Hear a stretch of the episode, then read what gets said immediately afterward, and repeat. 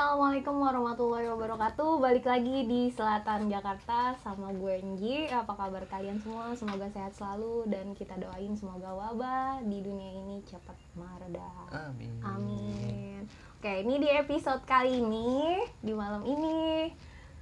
Gue gak ngerti sih ini eksklusif Atau ini spesial juga pakai telur Karena gue akan mau Wawancarai Host Of Selatan Jakarta yang mana dia? Biasanya wawancarain orang sekarang dia yang gue wawancarain. Sama-sama host kita. iya. Ngapain lu pakai jadi mari? Iseng. lo nggak punya kerjaan di mari? PPKM mulu nggak ada kerjaan jadi ya. baik. Berarti lu mm, sibuk ngapain aja? Gue tanya nih sekarang. Sibuk ya. selain kita ngonten gitu. Sibuk senyumin tetangga pada gibah aja. Ji. iya gara-gara dia belum divaksin Eh, guys dia mau divaksin cuma masih takut guys sama jarum suntik vaksin ya bang Oke. Iya, besok guys doain semoga Bang Eja mau divaksin dan diketuk hatinya. Uset. Oke. Ya, kira-kira lu mau bawain cerita di mana nih Bang di malam ini? Jadi gua mau bawain cerita di Gunung Rinjani paling Ji. Itu Oke. sekitar tahun 2016 ya kalau nggak salah. 16 bulan Agustus. Anjir, lu masih inget nih ceritanya? Masih. Masih dong. Nggak bakalan lupa gua. Kenapa? Hah? Kenapa lu gak bakal ngapain ini? Kalau menurut gue sih epic.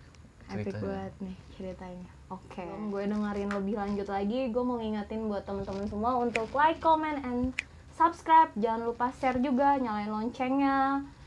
Terus jangan lupa komen. Lo harus komen yang banyak karena ini eksklusif dari Bang Eja. Ya. Bang, gue mau langsung aja. Gue nggak mau denger kisi-kisinya karena menurut gue ini episode spesial. Oke, lo boleh lanjut. Pakai nasi nggak nih? Gue udah penasaran pengen buru-buru traveling ke Rinjani malam ini. Oke guys, gue mau jalan dulu ke Rinjani bareng Bang Eja. Ayo. Ayo, 2016 comeback.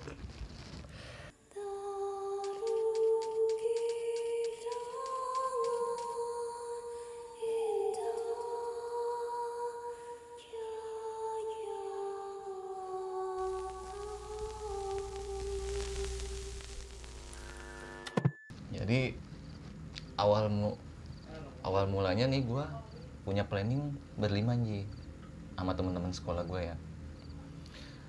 Nah pas Hamin satu ini tiba-tiba temen gua si Irfan ini nggak bisa ngikut dikarenakan ada sidang skripsi.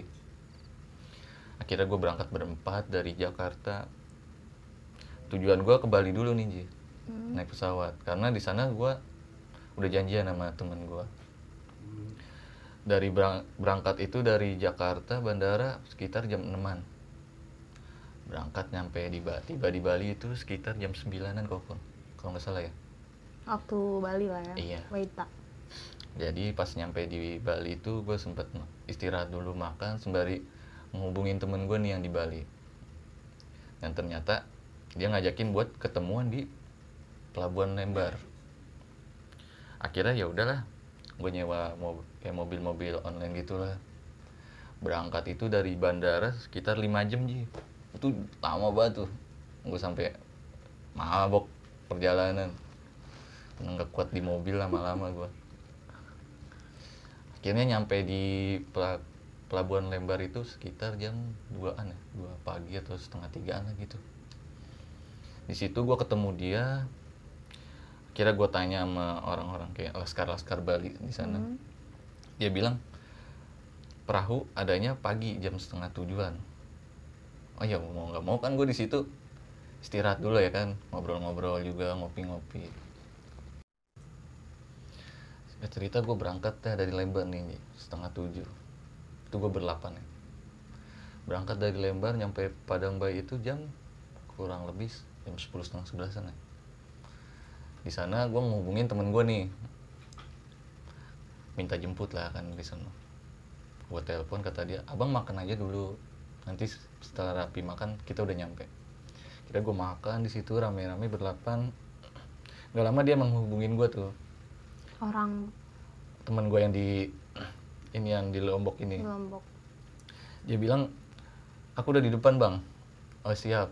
Kira gue keluar kan tuh dari pelabuhan dia datang nih dengan kolbaknya dia nih Oke. Iya, jadi gue naik kolbak tuh berlapan udah kayak kambing gue Oke, berarti eh, udah lu ketemu berlapan, datang lagi nih temen lu satu nih yang di Asli situ. asli situ dengan Ah, kolbaknya. iya Oke.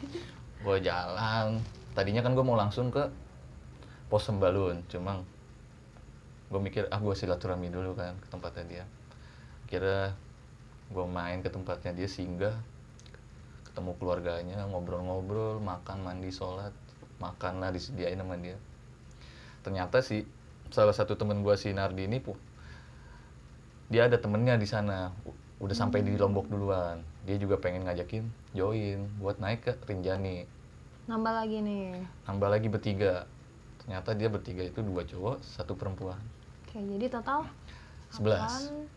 9, 11 ya. Sebelas. Hmm. kira dia menghubungi Nardi dia bilang gue udah di pos Sembalun. Tadinya kan gue mau naik pagi aja kan dari Sembalun. Cuma karena gue di tempatnya Bang Meler ini nih yang punya rumah kira gue bilang bang kita ke pos Sembalun aja. Nggak enak rame soalnya. Kita dianterin lah sama mereka nih. Dia sama, sama seponakannya nih sama anaknya. Hmm. nyampe di pos Sembalun itu gua dibilangin sama temennya Nardi ini dibilang pos Sembalun penuh karena padatnya yang orang pada mau men- mendaki nih. Hmm. akhirnya dialihin ke salah satu tempat pos pendaftaran nih. Nggak jauh dari pos Sembalun gue bilang kalau emang nggak il- nggak ilegal is oke nggak masalah buat gue akhirnya di dialihin lah ke situ. Dialihin ke situ gue kayak nanya-nanya kan gimana Rinjani? Karena kan semuanya itu belum pernah ke sana Ji jadi tadinya niatnya mau pagi berangkat tau-tau temennya si Nardi ini bilang berangkat malam aja yuk kayaknya seru nih. Hmm. cuma gua gua pastiin di situ. Di sini pemula semua loh. Karena dari 11 orang ini yang mau mendaki ya bisa kehitung lagi. Beberapa orang doang yang emang sering naik gunung. Sisanya itu bener-bener belum pernah naik gunung. Gua khawatir di situ. Dan Bang Mele ini ikut nggak jadi? enggak dia. Cuma nganterin nganter doang. Doang Makanya lu bilang lu akan naik, naik 11 orang doang itu. Iya. Fix. akhirnya Nardi ngurusi maksi segala macem dan gua ngecek alat dong sama packing ulang sebagai briefing sedikit lah ya kan akhirnya rapi si maksi dikasih kayak peta gitu kan sama orang sana gue nyempetin berdoa dulu nah mulailah nih gue berangkat jam 9 malam kalau nggak salah ya kurang lebih. Berangkat itu di jalan di dalam perjalanan tuh biasa aja tuh di sekitar setengah jam setengah 45 menitan lah. Tiba-tiba nih kayak itu yang di depan itu kayak orang kena setan keder nih aturan dijelasinnya ke ke mana dia ngambil jalur lain nih. Nah, gue kan di paling belakang ya ya gue ngikut aja. Di perjalanan tuh tau-tau kayak setak gitu nih nggak ada jalur dan ternyata di situ ya jalan buntu salah jalan gua. Si Nardi bilang berhenti salah jalan kata dia. Nardi bagian depan nih. iya. Emang gue selalu dia yang nyuruh lu depan gue belakang. Kenapa emang gue bilang iya salah jalan nih kayaknya. Gue mah gue di situ ken izin dulu dong kencingnya kan. Yaudah ngaso dulu ngerokok gue kencing dulu. Pas gue lagi kencing tuh kayak di arah jam 12 gue ini kayak ada yang mantau gue nih cuma gue Hmm. gue numpang numpang ini ya kan. Gue abain lah. Kira gue jalan jalan lagi tuh ketemu sama orang nih. Dia bilang salah jalan mas. Ah salah jalan dia bilang akhirnya kata dia ngopi aja dulu tempat saya. Jadi ternyata pas gue mau balik arah itu ke kiri itu kayak toto nembus jalanan ji Hmm. jadi gue balik ke jalanan nih cuma jauh dari pos pendakian. Oke, akhirnya gue disuruh mampir di situ singgah ngopi-ngopi dulu ya kan. Ditanya dari mana bang dan segala macem. Akhirnya yang punya rumah ini ngusulin anaknya biar ditemenin sama anak saya sampai jalur pendakian biar kamu nggak tersesat nih. Ya udahlah rapi ngopi. Gue sempet dipesenin nih sama ibu ini. Tolong dijaga temennya nih yang kecil. Yang kecil tuh yang cewek, ini. enggak cowok. Jadi yang di Bali ini gue ketemu kan gue ketemu temen gue berempat. Nah ini tuh dia ada salah satu yang masih ya remaja lah. Oke. di situ dipesenin tolong dijaga anak ini. Takut kenapa-napa. Gue kayak nggak mau nyari tahu dong gue gue nggak mau kepo. Oh iya dah ya bu. Insya Allah saya jaga. Kira gue berangkat lah tuh ditemenin sama si anak ini yang punya rumah. Jalan belusukan tuh gue tiba-tiba kayak ngelewatin kali gitu kan. Naik. Itu jalur udah mulai padat tuh nih masuk-masuk hutan. Di situ gua kayak kok aneh ya? Gue bilang jalurnya. Kayak apa ya? Lembab segala macem. Cuma ya gua kayak ini pada tegang nih. Kayak gue bercanda-canda lah biar nggak suasananya hening banget. Kira nyampe lah nih kayak di batas vegetasi gitu. Dia bilang abang tinggal lurus nanti ketemu jembatan. Nah itu di situ batas vegetasi abang. Abang jangan ke kiri kalau abang ke kiri abang balik lagi ke pos balun. Abang jadi tinggal ke kanan ntar lurus aja ketemu pos 1 akhirnya gue pamitan gue ya say thanks lah ya kan udah mau bantu. Gue berangkat. Berangkat itu nggak lama sekitar 35 menit. Gue nyampe lah tuh di yang abang-abang ini bilang. Pos kayak satu. jembatan gitu. Oh, di situ gue sempet ngebreak dulu ngerokok. Ngokong ngerokok. 5 menit gue berangkat lagi. Berangkat jalan. Nah temen gue ini yang si baba ini yang berempat dari ketemu di Bali ngajuin break nih karena dia bilang dada gue nyesek. Gue berhenti. Itu kayak tempat emang luas banget nih Ji. Cuman gue salahnya itu berhenti di pohon gede. Gede banget kayak pohon cemara gitu. Hmm. gue break di situ. Jadi pas gue break gue bilang baluk nggak apa-apa. Nggak apa-apa alhamdulillah cuma kaget aja mungkin. Gue lagi ngerokok itu kayak tau-tau kayak ada yang jatuh ninji ke pundak gue pas gue ini kok kayak bau-bau apa ya dibilang amis. Ya enggak cuman kayak bau bak busuk begitu. Gue kayak ngapa bat? Dibilang gitu kan. Enggak nggak apa-apa. Gue cuma minta minyak wangi aja kan. Ayo jalan aja lama-lama. Kira gue jalan teman gue ini nyetel lagu nih kenceng. Gue bilang jangan kenceng-kenceng. Ngilangin takut kok kata dia. Ya udah cuma jangan kenceng-kenceng. Itu jam di situ kalau nggak salah nunjukin jam satuan ya. Jalan lagi gua ketemu di di pos satu gua tuh di situ. Di pos satu sit itu kayak ada kayak gubuk begitu kan tempat singgah. Nah karena salah satu temen gua nih yang cewek ya mungkin kecapean ya karena cuacanya juga lumayan dingin. Akhirnya minta di situ nenda ya udahlah gue turutin kan. Ya udah yuk kita bikin tenda. Bikin tenda bikin tenda gue ngop bikin kopi segala macem. Bikin sarapan buat makan tuh kan makan malam. Tapi makan apa biasa lah yang tidur tidur yang ngopi ngopi yang ngobrol ngobrol lagi asik ngobrol gitu gua kayak dibilang halu enggak cuma kayak jadi lagi ngobrol itu kayak suara kuntilanak ketawa gitu nih cuma asumsi gue kan kalau didoktrin dulu sama orang dulu ya kalau suara kuntilanaknya jauh dia deket. Kalau suaranya kenceng dia jauh. Gue langsung kayak seketika hening apa itu suara kuntilanak? gue bilang gue ngobrol lagi. Temen gue ternyata denger juga nih tiga tiganya nah diledekin lah sama Irfan diketawain balik. Wah beraninya ngetawain dari jauh lu. Cuma gue bilang teng nyali gue langsung. "Ini orang gila kali ya gue bilang. Hmm. Bilang, jangan kayak gitu apa bercanda ya gue kata dia bercanda. Lu setan lu bercandain gue bilang. Hmm. bilang udah udah udah. Ngobrol lagi ngobrol gue bilang gitu. Lagi ngobrol jadi gue posisi berderetan nih Ji kayak gini senderan bertiga. Lagi ngobrol gitu. Di arah jam 3 ini gue ngeliat kayak sosok wanita nih Ji. Hmm.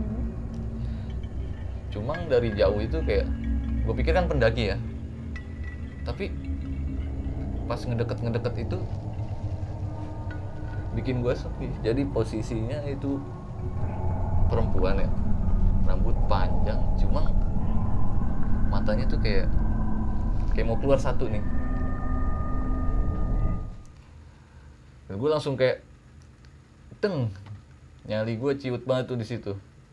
Teman gue juga kayak tau udah kayak orang istighfar mulu stop aja stop lu kenapa? gue bilang.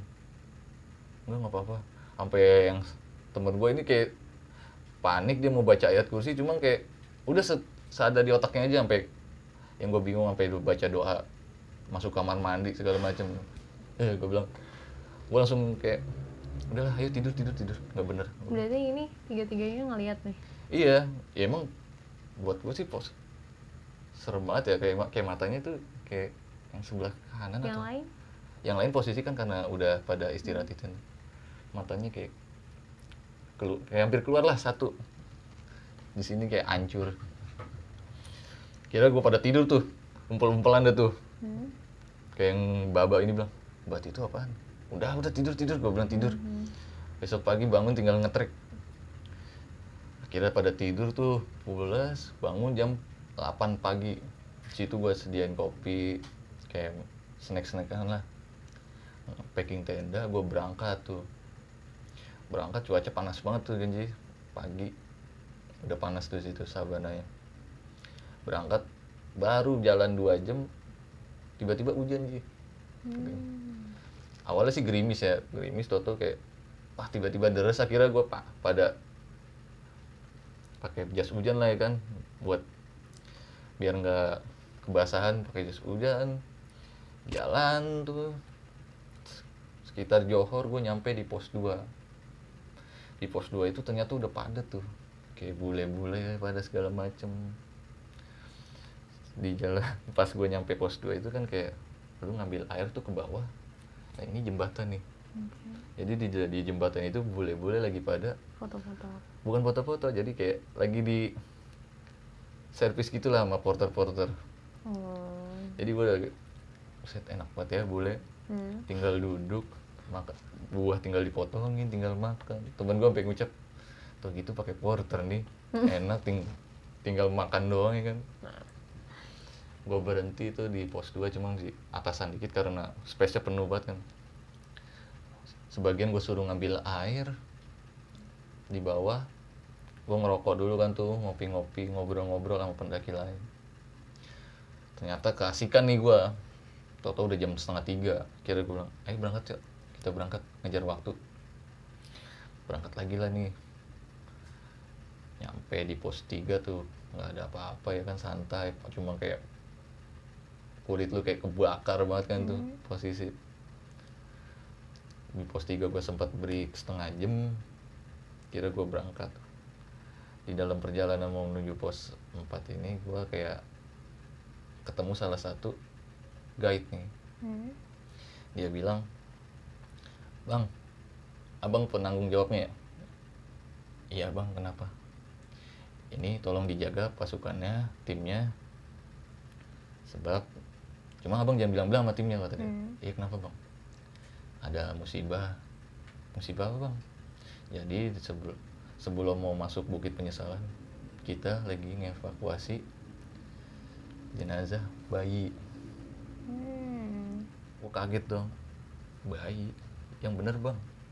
Iya jadi kayak bayi bayi aborsian dibuang di sana gue langsung ketika "Wah, ngaco nih malam pasti ngaco nih. Feeling gue udah ke mana-mana tuh udah. Akhirnya gue ya udah. Pada te- kepo nih nanya kenapa bet kenapa? Nggak nggak apa-apa udah jalan aja. Cuma kayak nanti kan ada apaan? Gue bisikin kan. Hmm. lu santai aja ya bilang. apa emang? Kata porter lagi main evakuasi jenazah bayi nih. Lu langsung kaget kan wah bener lu kata dia iya. Wah. Apes dong nih kita kata dia. Feeling dia juga udah bagus banget nih apes dong. Udah santai aja. Kita nggak ganggu ini kan. Berangkat. Nyampe lah nih gue sebelum bukit penyesalan. Gue sempet ngaso dulu di situ kan karena gue liat treknya nanjat mulu Mm-mm. gue pikir ngaso lah ya kan. Ngaso dulu tuh ngerokok. Kayak ngetes fisik dulu kan kayak sanggup nggak lu? Kalau nggak sanggup kita ngecamp di sini aja nih. Gue nggak mau maksain lu pada. Kata dia sanggup sanggup. Gaya gaya banget nih ya kan? Sanggup. Sedangkan keril gue bawa keril yang 100 liter Ji. Mhm. 100 liter berat banget gue bilang. Badan paling kecil. Gue bilang ya udahlah ngaso dulu. Gue bilang gue capek juga. Ya udah ngaso. Ngambil air lagi lah tuh. Gue suruh dua orang. Tapi ngambil air gue berangkat dan nih kayak setelan formasi yang biasa dari awal. Nanti di awal maju duluan pasukan di tengah si Irfan ini Irfan ada dua yang satu nggak ngikut yang satu ngikut. Oke. di belakang gua gua bocah kecilan itu yang suruh dijagain sama sisa-sisanya lah. Mereka berangkat gua berangkat. Itu di perjalanan buset gua bilang ini gila nih gua baru jalan berapa menit aja langsung ngap karena emang mungkin beban gua keberatan ya. Sama fisik gua udah nge- ngedrop juga. Treknya bener-bener begini Ji. Bukit bukit. Gua bilang lima bu- bukan tujuh bukit penyesalan ini. Hmm. tujuh bukit nyenengin nih nyenengin hati cuma bikin dongkol. Gue udah buset geleng-geleng aja gue di perjalanan. Sampai dikit-dikit break dikit-dikit break. Pas nyampe di pos eh pos sorry. Di bukit ke lima ini malam nih. Hmm. sebelum malam-malam banget sih setengah enaman lah. Udah mau maghrib kan? iya. Cuma posisinya emang masih terang nih Ji. Nggak terlalu gelap. Pas gua nyampe di pos eh bukit kelima ini tiba-tiba cuaca kayak gelap nih Ji. Gelap. Itu angin tuh kenceng banget tuh. Posisi angin kenceng banget gue liat kayak pohonan yang segede-gede gitu bisa ngayun begitu kan gue kayak langsung mental gue agak jatuh kan buset nih apa gara-gara tadi ini penunggunya ngamuk nih gara-gara orang buang Baik. ma- mayat bayi ini. Gua kayak panik semua kan tuh kok tiba-tiba begini ini nggak beres nih kata dia. Ini cuaca nggak beres nih. Gua bilang udah tenang tenang. Itu gua sempet kepisah tuh Nardi di depan gua di belakang nih gua cuma berempat tuh gua si kecil ini kan gua panggilnya si boy ya. Hmm. si boy pajar sama bapak ini gua berempat di belakang nih. Udah pada panik mereka kan kayak baru pertama naik gunung tiba-tiba ngalamin situasi yang kayak gitu nih. Langsung kayak ini harus gimana nih? Harus gimana? Kayak panik semua kan tuh panik. Udah tenang aja tenang. Kira gue tetap maksain jalan tuh. Jalan mau tiba di bukit ke-6 ini gue kayak lagi jalan asik-asik tiba-tiba kayak oleng kaki gue nih tet jatuh gue brak nah engkel, engkel gue ini geser. Di situ ah trouble lagi gue bilang. Cuma gue bilang em gue nyeri banget kan emang gue tuh nggak apa-apa udah nggak apa-apa ayo jalan. Sotoy. iya gue maksain aja kan. Jalan sam- nyampe di bukit ke ke enam nggak kuat lah gue ya kan. Engkel gue udah nggak udah nggak bersahabat lah akhirnya juga mereka bilang gue nyesek gue nyesek gue capek Yang Udah. empat orang ini. Iya, akhirnya gue ngecamp lah di situ, bikin tenda, bikin tenda. Nardi ternyata ada nih di di Bukit 6 nungguin kan. Gue bikin tenda, sempet agak kayak berdebat sedikit lah ya, Mak- maklum lah, Hmm. namanya naik gunung. Jadi mereka si Nardi ini ngajakin buat ngecamp di pos terakhir nih, eh di Sembalun nih. Jadi dia Bukit Sembalun gitulah pos buat ngecamp orang-orang sebelum muncak. Cuma karena gue liat sebagian udah pada ngedrop, akhirnya gue bilang ambil jalur tengahnya.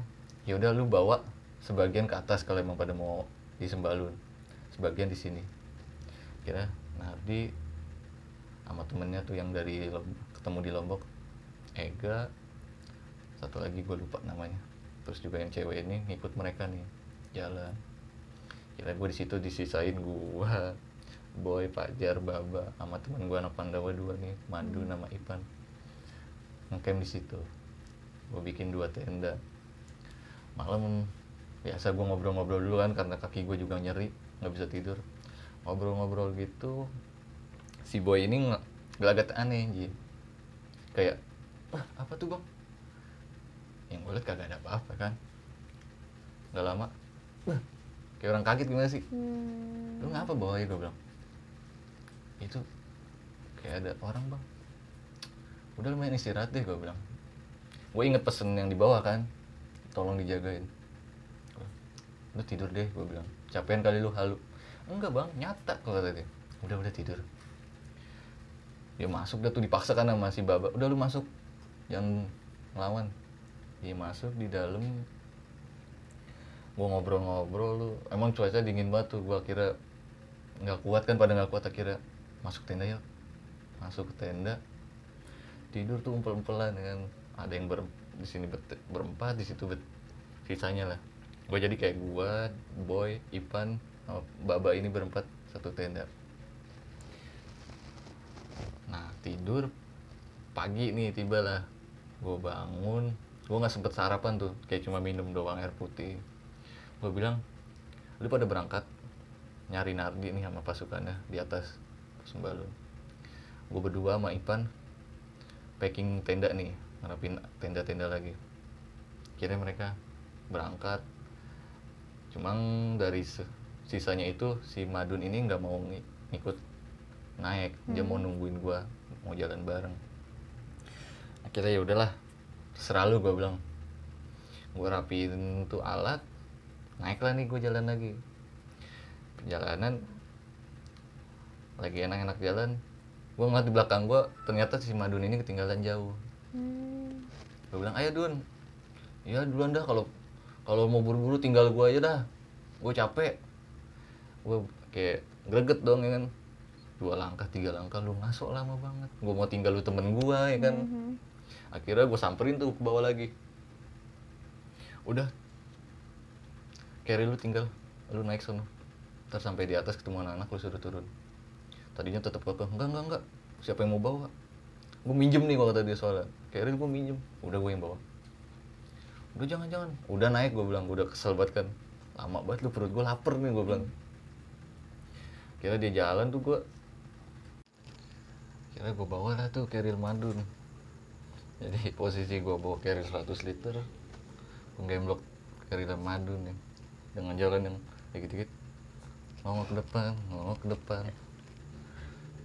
Udah giliran udah mau nyampe nih sembalun. Hmm. sembalun pertama. Nardi baru turun nih. Gue bilang lama banget sih lu gue udah capek nih gue bilang. Hmm. iya tadi nyiapin makanan dulu buat anak-anak. Oh ya udahlah bagus. Gue kasih lah nih carry yang 100 liter nih. Tuh lu bawa tuh udah capek gue bilang pas digendong sama dia set berat banget Hmm. iyalah lu nggak ngeliat nih muka gue udah sampai pucet begini kira dibawa nyampe lah tuh gue di sembalun kan pada udah tenda udah berdiri lah gue kira masuk carry eh masuk carry masuk tenda lah nih ya Ngapain masuk keril lo? Capek banget lu ya. Capek. Ya. kira gue masuk tenda lah tuh gue udah capek banget kan dalam tenda tuh ada makanan nih Ji wah gue disisain makanan pas gue liat teo sayur sop cuma air doang sayuran kagak gue bilang gue bete gue Ada bunyinya teo. iya bete gue kan. Ini makanan nih gue bilang gitu. Iya. Lu gila. Gue temen lu porter lu sih gue bilang. Hmm. gue disisain air doang gitu kira gue bete gue tidur lah tuh ya kan. Gue gue uyup aja tuh. Gue uyup pakai nesting udah. Gue tidur nah ternyata si boy ini ke Pelawangan tiga nih ngambil air Hmm. sama si Pajar. Gue bilang gue melek kan tuh. Ini ke mana nih dua anak? Hmm. ngambil air bat di Pelawangan tiga. Siapa aja yang berangkat? Berdua doang. Was was dong gua. Kenapa harus si boy? dalam hati gua. Kan lu banyak lu gede-gede. Ngapain harus bocah lu suruh? Jadi yang mau itu jam 9 belum balik tuh Nji, dia. Malam? Anak- jam 9 malam. Anak-anak udah pada tidur kan? Kok belum belum balik balik nih ke tenda? Dia ngambil air jam berapa? Pokoknya gue bangun-bangun tuh sekitar jam 8an udah nggak ada tuh dia berdua. Karena kan langsung abis makan gue tidur tuh capek banget kan? Yang lain pada foto-foto terserah lu dah gue udah capek. Bangun jam 8 gue tanya boy ke mana nih sama Pajar ngambil air bat. Berdua doang. Iya lu pada gila ya gue bilang gitu. Kan itu bocah lu banyak banget orang ngapain gue bilang. Jadi yang mau gue tungguin tuh sampai jam 9 dia kagak nyampe-nyampe was-was lah gue kan kepikiran. Ke mana ini bocah ya kan? Kira setengah sebelas dia baru nyampe nih berdua. Awalnya pajar dulu. Bang belum tidur. Dari mana lu gue bilang. Oh gue ngeder-ngeder kok kata dia. Ngeder-ngeder gimana? Mau nyariin si boy. Nggak tahu dia ke mana cuma lu ngambil air di mana? Jadi dia ngambil bukan yang jadi pas lawangan tiga kan ke kiri. Kan di situ ada mata air sebelah kanan. Cuma dia ngambil yang paling bawah tuh. Jadi paling bawah kempit batu gede nyempil tuh. Di situ ada mata air. Fajar udah tidur ya bang ya? Mukanya udah jelek banget nih udah kayak jebel capek atau panik gue nggak tahu dah. Kira boy ini nyeruntul dateng. Pas boy nyampe ini dia ngajakin gue buat ngobrol nih cuma posisinya dia mau jauh dari tenda nah ya udah ayo ngobrol. Dia ngobrol dia bilang bang tadi gua masuk ngambil air. Cuma kayak banyak kerak gitu bang. Kerak-kerak putih di situ juga terang. Dia bilang begitu kan. Gimana boy lu bercanda kali gue bilang. Halu kali lu. Enggak bang beneran. Jadi di situ tuh posisi kata dia pas gua masuk yang batu gede itu nyem- nyelip tuh gitu. Di situ dia kayak langsung disambut kerak nih kerak putih berjajar tingginya segini segini lah kalau kata dia bilang. Di si pojokan kayak ada mata air gitu. Di situ ada kayak sosok kakek kakek di situ dia bilang saya mau kamu bilang gitu. cuma gue bilang kata dia kata si boy apa dia bilang gua nggak punya salah ngapain lu pengen gua? Bapak dari mana digituin kan sama si gua? Kakek itu cuma bilang saya mau kamu. Akhirnya dia bilang di situ langsung kayak pikirannya ke mana-mana tuh dia udah kayak orang nggak sadar. Pokoknya dia ngi- kayak berasa tuh di jalan ya udah di kayak dikawal sama kerak-kerak putih. Ketemu sama si Pajar itu cukup lama kata dia. Akhirnya gue ketemu Pajar keadaan tuh gue kayak orang gak sadar bang. Pas gue diguyur air sama Pajar baru gue sadar kata dia begitu. Makanya gue nyampe sini tuh bisa nih jam segini baru nyampe ya itu. Gue kayak jalan kayak ngider-ngider di situ tempat aja. Dan kakek-kakek itu bilang begitu. Kira gue bilang udah boy tidur aja istirahat. Dia kayak masih kosong aja pikirannya. Akhirnya setengah satu dibangunin nih gua sama anak-anak. Pada mau ngajakin summit. Baru banget tidur kan diajakin summit. Ya udahlah gue bilang. Kira gue bikin wedang jahe segala macam kopi buat dopingan di atas kan. Berangkatlah tuh gue jam 1 summit. Tadinya pada mau berangkat semua kan cuma karena si baba ini bilang perutnya sakit nah di situ dia baru ngaku habis operasi usus buntu. Hmm. gue langsung ya Allah lu ngapa nggak ngomong dari awal? Ya udah gue di sini aja kata dia. Nggak lama si cewek yang temennya si Ega ini bilang gue dapet lagi. Hmm. langsung kayak gue langsung ah ada aja sih gue bilang. Gue bilang "Ya udahlah lu di, di ini aja di tenda aja. Kira ya udah bang gue di sini aja. Kita gue berangkat jadi cuma sembilan orang tuh muncak. Jalan lah tuh muncak. Jadi gue paling depan nih gantian. Nah dia di belakang. Tuh kaki lu udah nggak incok lagi. Ya bodo amat lah tahan tahanin aja. Habis gimana? Namanya di gunung ada kang urut segala macam jalan muncak. Itu jalan lama banget tuh Ji. dikit-dikit ngaso dikit-dikit ngaso. Nah pas banget gua ngaso nungguin anak-anak di bawah nih. Jadi gua posisi tuh udah mau sekitar 3 kilo mau ke puncak nih. Hmm. gua ngaso di situ sama si boy sama si Ipan. Ketiduran lah nih gua. Bertiga tuh? Tiga. gue yang ketiduran sendiri Hmm. sambil nunggu tuh anak-anak yang di bawah.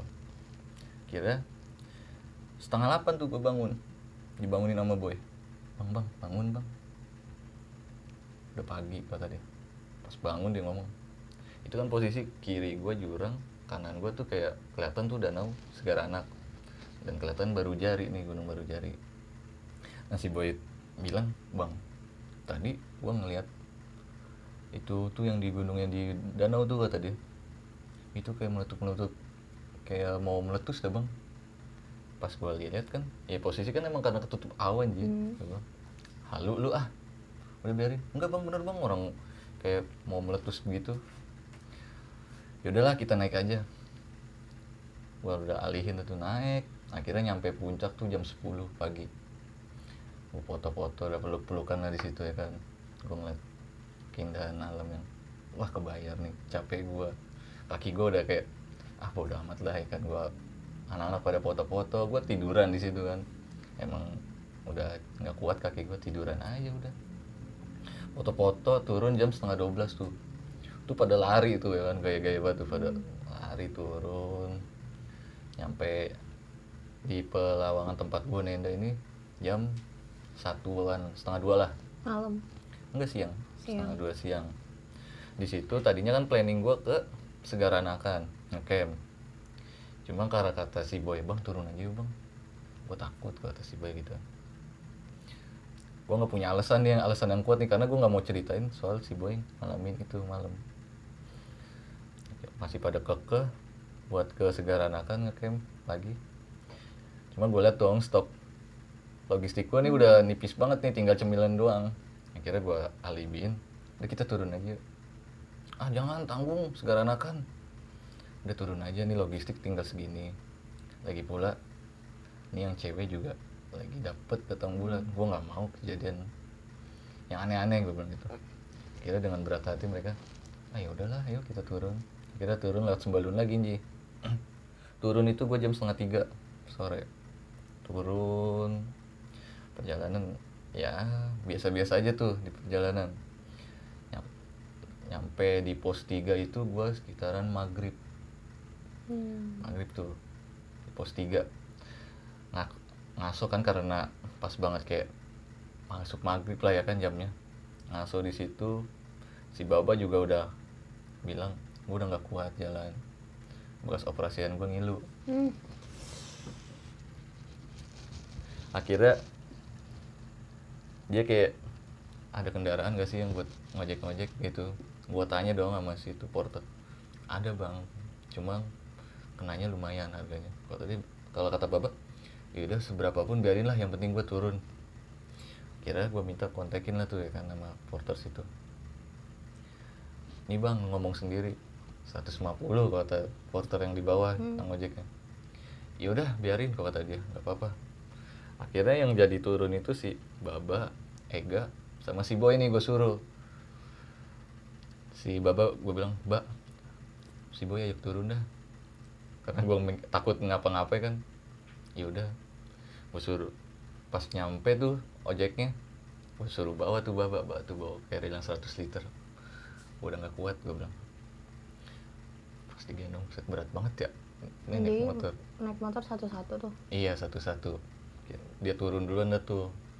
Habis Isa gue mulai jalan lagi lah arah turun. Nyampe pos 2 tuh nggak ada apa-apa. Pos 1 nggak ada apa-apa. Cuma pas di pos 1 ini pas turun tuh gue ketemu yang tempat tadi tuh yang batu eh kayak jembatan itu tuh yang perbatasan kalau lurus ini yang ke pos sembalun asli yang awal di situ gue balik lagi ke jalur yang tadi gue lewati dong awal. Hmm. karena gue nge-base camp di situ. Gue turun ke arah kiri bukan ke arah pelawang ini kan hmm, pos Simaksi gue ke kiri tuh. Di situ kayak ngalamin nih nanti kayak kena setan keder lagi nih. Jadi jalan tuh nggak tahu arahnya tuh. Udah belusukan aja ngelewatin hutan-hutan padat. Udah jalan lumayan jauh ya kan? Adalah 5 kiloan tuh jalan. Setak tuh tek. Ketawa nih salah jalan lagi kok kata dia. Hmm. ya Allah gue langsung gitu. Ngapa salah jalan mulu sih? Gue bilang. Muter balik muter balik. Mana jauh banget suruh putar balik. Pas jalan putar balik nggak lama tuh kayak ada cahaya nih cahaya cuma kayak berbentuk bola api ya kalau orang bilang apa sih gue nggak ngerti? Kalau kalau gue bilang kayak kayak orang telu gitu kan. Cuma kayak lewat gitu set. Di atas kepala anak-anak nih set. itu pada diem aja tuh setak. Apaan tuh? Apaan tuh? Oke udah udah begini aja nih. Ah, gua udah nggak mau ngeliat. Males gue bilang. Gua udah pengen buru-buru turun. Tapi tiga-tiganya ngeliat tuh. itu sisanya. Kan gue sisanya itu pada ini kan jalan kaki yang berempat ini Semuanya berarti ngeliat. ngelihat udah pada ya udah pada pucet lah. Apaan sih ini apaan sih ini? Kenapa begini mulu sih ngalaminnya? Kira pada kayak jalan cepet tuh. Jalannya main cepet-cepetan gue di belakang kayak ditinggalin gitu kan gue keselan oh iya pelan-pelan. Gue teriak nih gue bilang nih. Jalan santai tuh akhirnya pada santai. Ketemu lah nih jalurnya. Oh ini bener nih bener bener. Hmm. kira bener nggak lu? Gue pastiin gitu kan bener. Ya udahlah jalan. Nggak jauh dari situ tuh mulai tuh kayak anjing-anjing hutan ya. Kayak pada gonggong-gonggong gitu kan. Gue yang di belakang nih kayak ketakutan jadi kayak yang lain tuh jalannya kayak gelagatnya kayak jalan cepet-cepetan gitu kan. Gue bilang gue timbuk batu nih kalau lu jalannya pada cepet. Tungguin gue gue bilang. Jalan jalan itu kayak suara orang ngaung. Cuman bukan binatang kayak orang. Itu udah mulai jam berapa tuh? itu udah malam itu udah mau nyampe ke arah Pos. pos gua daftar. Sekitar jam 10 atau jam setengah sembilan eh setengah sepuluhan lah. Kira kan tuh udah gua sampai diteng-teng gitu ayo jalan buruan. Emang udah pada ngedon kan? Hmm. Jalan. Ketemulah tuh tempat awal nyasar. Oh ini bener nih jalannya nih. Kira ayo kita ke kanan. Kan gua ke kanan ketemu dah tuh akhirnya alhamdulillah. Ketemu jalanan buat ketemu jalanan lah ya kan. Lampu-lampu udah pada terang. Nyampe di pos pendaftaran itu ya udah kayak si baba si boy udah pada main main kartu udah pada mandi. Udah disediain kang urut juga masih baba ini. Hmm. turun udah alhamdulillah tuh sampai situ. Diurut diurut cuma di- dipesenin sama yang tukang urut itu. Kamu temennya kalau bisa dijagain. Si boy ini lagi dibilangin dijagain. Kenapa emang pak? Nggak apa-apa cuma dijagain aja. Ngerinya kenapa-napa. Cuma si boy ya kayak orang dibilang mabok ya kagak. Cuma kalau diajak ngobrol cengengesan doang hehe hehe gitu doang. Akhirnya ya udahlah turun. Akhirnya gua abis itu malam pagi gua jalan-jalan lah tuh ngelilingin lombok ke Gili dulu. Nah akhirnya ya bagusnya ya gua turun. Nggak lama tuh dapet kabar baru jari meletus. Hmm. erupsi. Ya gue langsung kepikiran omongan si boy dong. Oh itu bener berarti yang dilihat boy kayak meluap meluap keluar api ya itu aja sih Ji.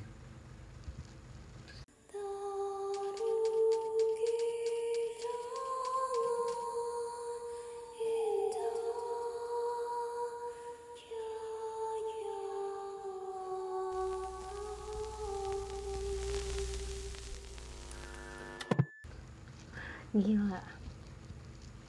Mantap, mantap banget Bang Ejen cerita lu. Complicated banget, sumpah. Soal percintaan dong Enggak ini menurut gue terlalu complicated. Udah banyak ya udah dari yang di awal lu ketemu sama jasad bayi, terus si boy masuk ke kerajaan kerajaan kera, terus bola api lah. Ya begitu lagi gue juga baru pertama kali sih ngalamin yang kayak gitu. Oke menarik banget guys ceritanya Bang Eja. Gue mau nanya nih Bang, apa? Sama lo nih. Oh, ada niatan buat balik lagi ke pinjaningan kan lu udah mengalami segitu complicated. Ya ada sih sebenarnya. Cuma waktunya anjing waktu tuh bukan gini ya waktu Gimana? gini. Oh. Pura ayam. Pura ini dia. di situ kendalanya. Tapi nggak kapok nih gitu. Ya terus sama gue juga mau nanya nih eh, si boy apa kabarnya tuh kira-kira?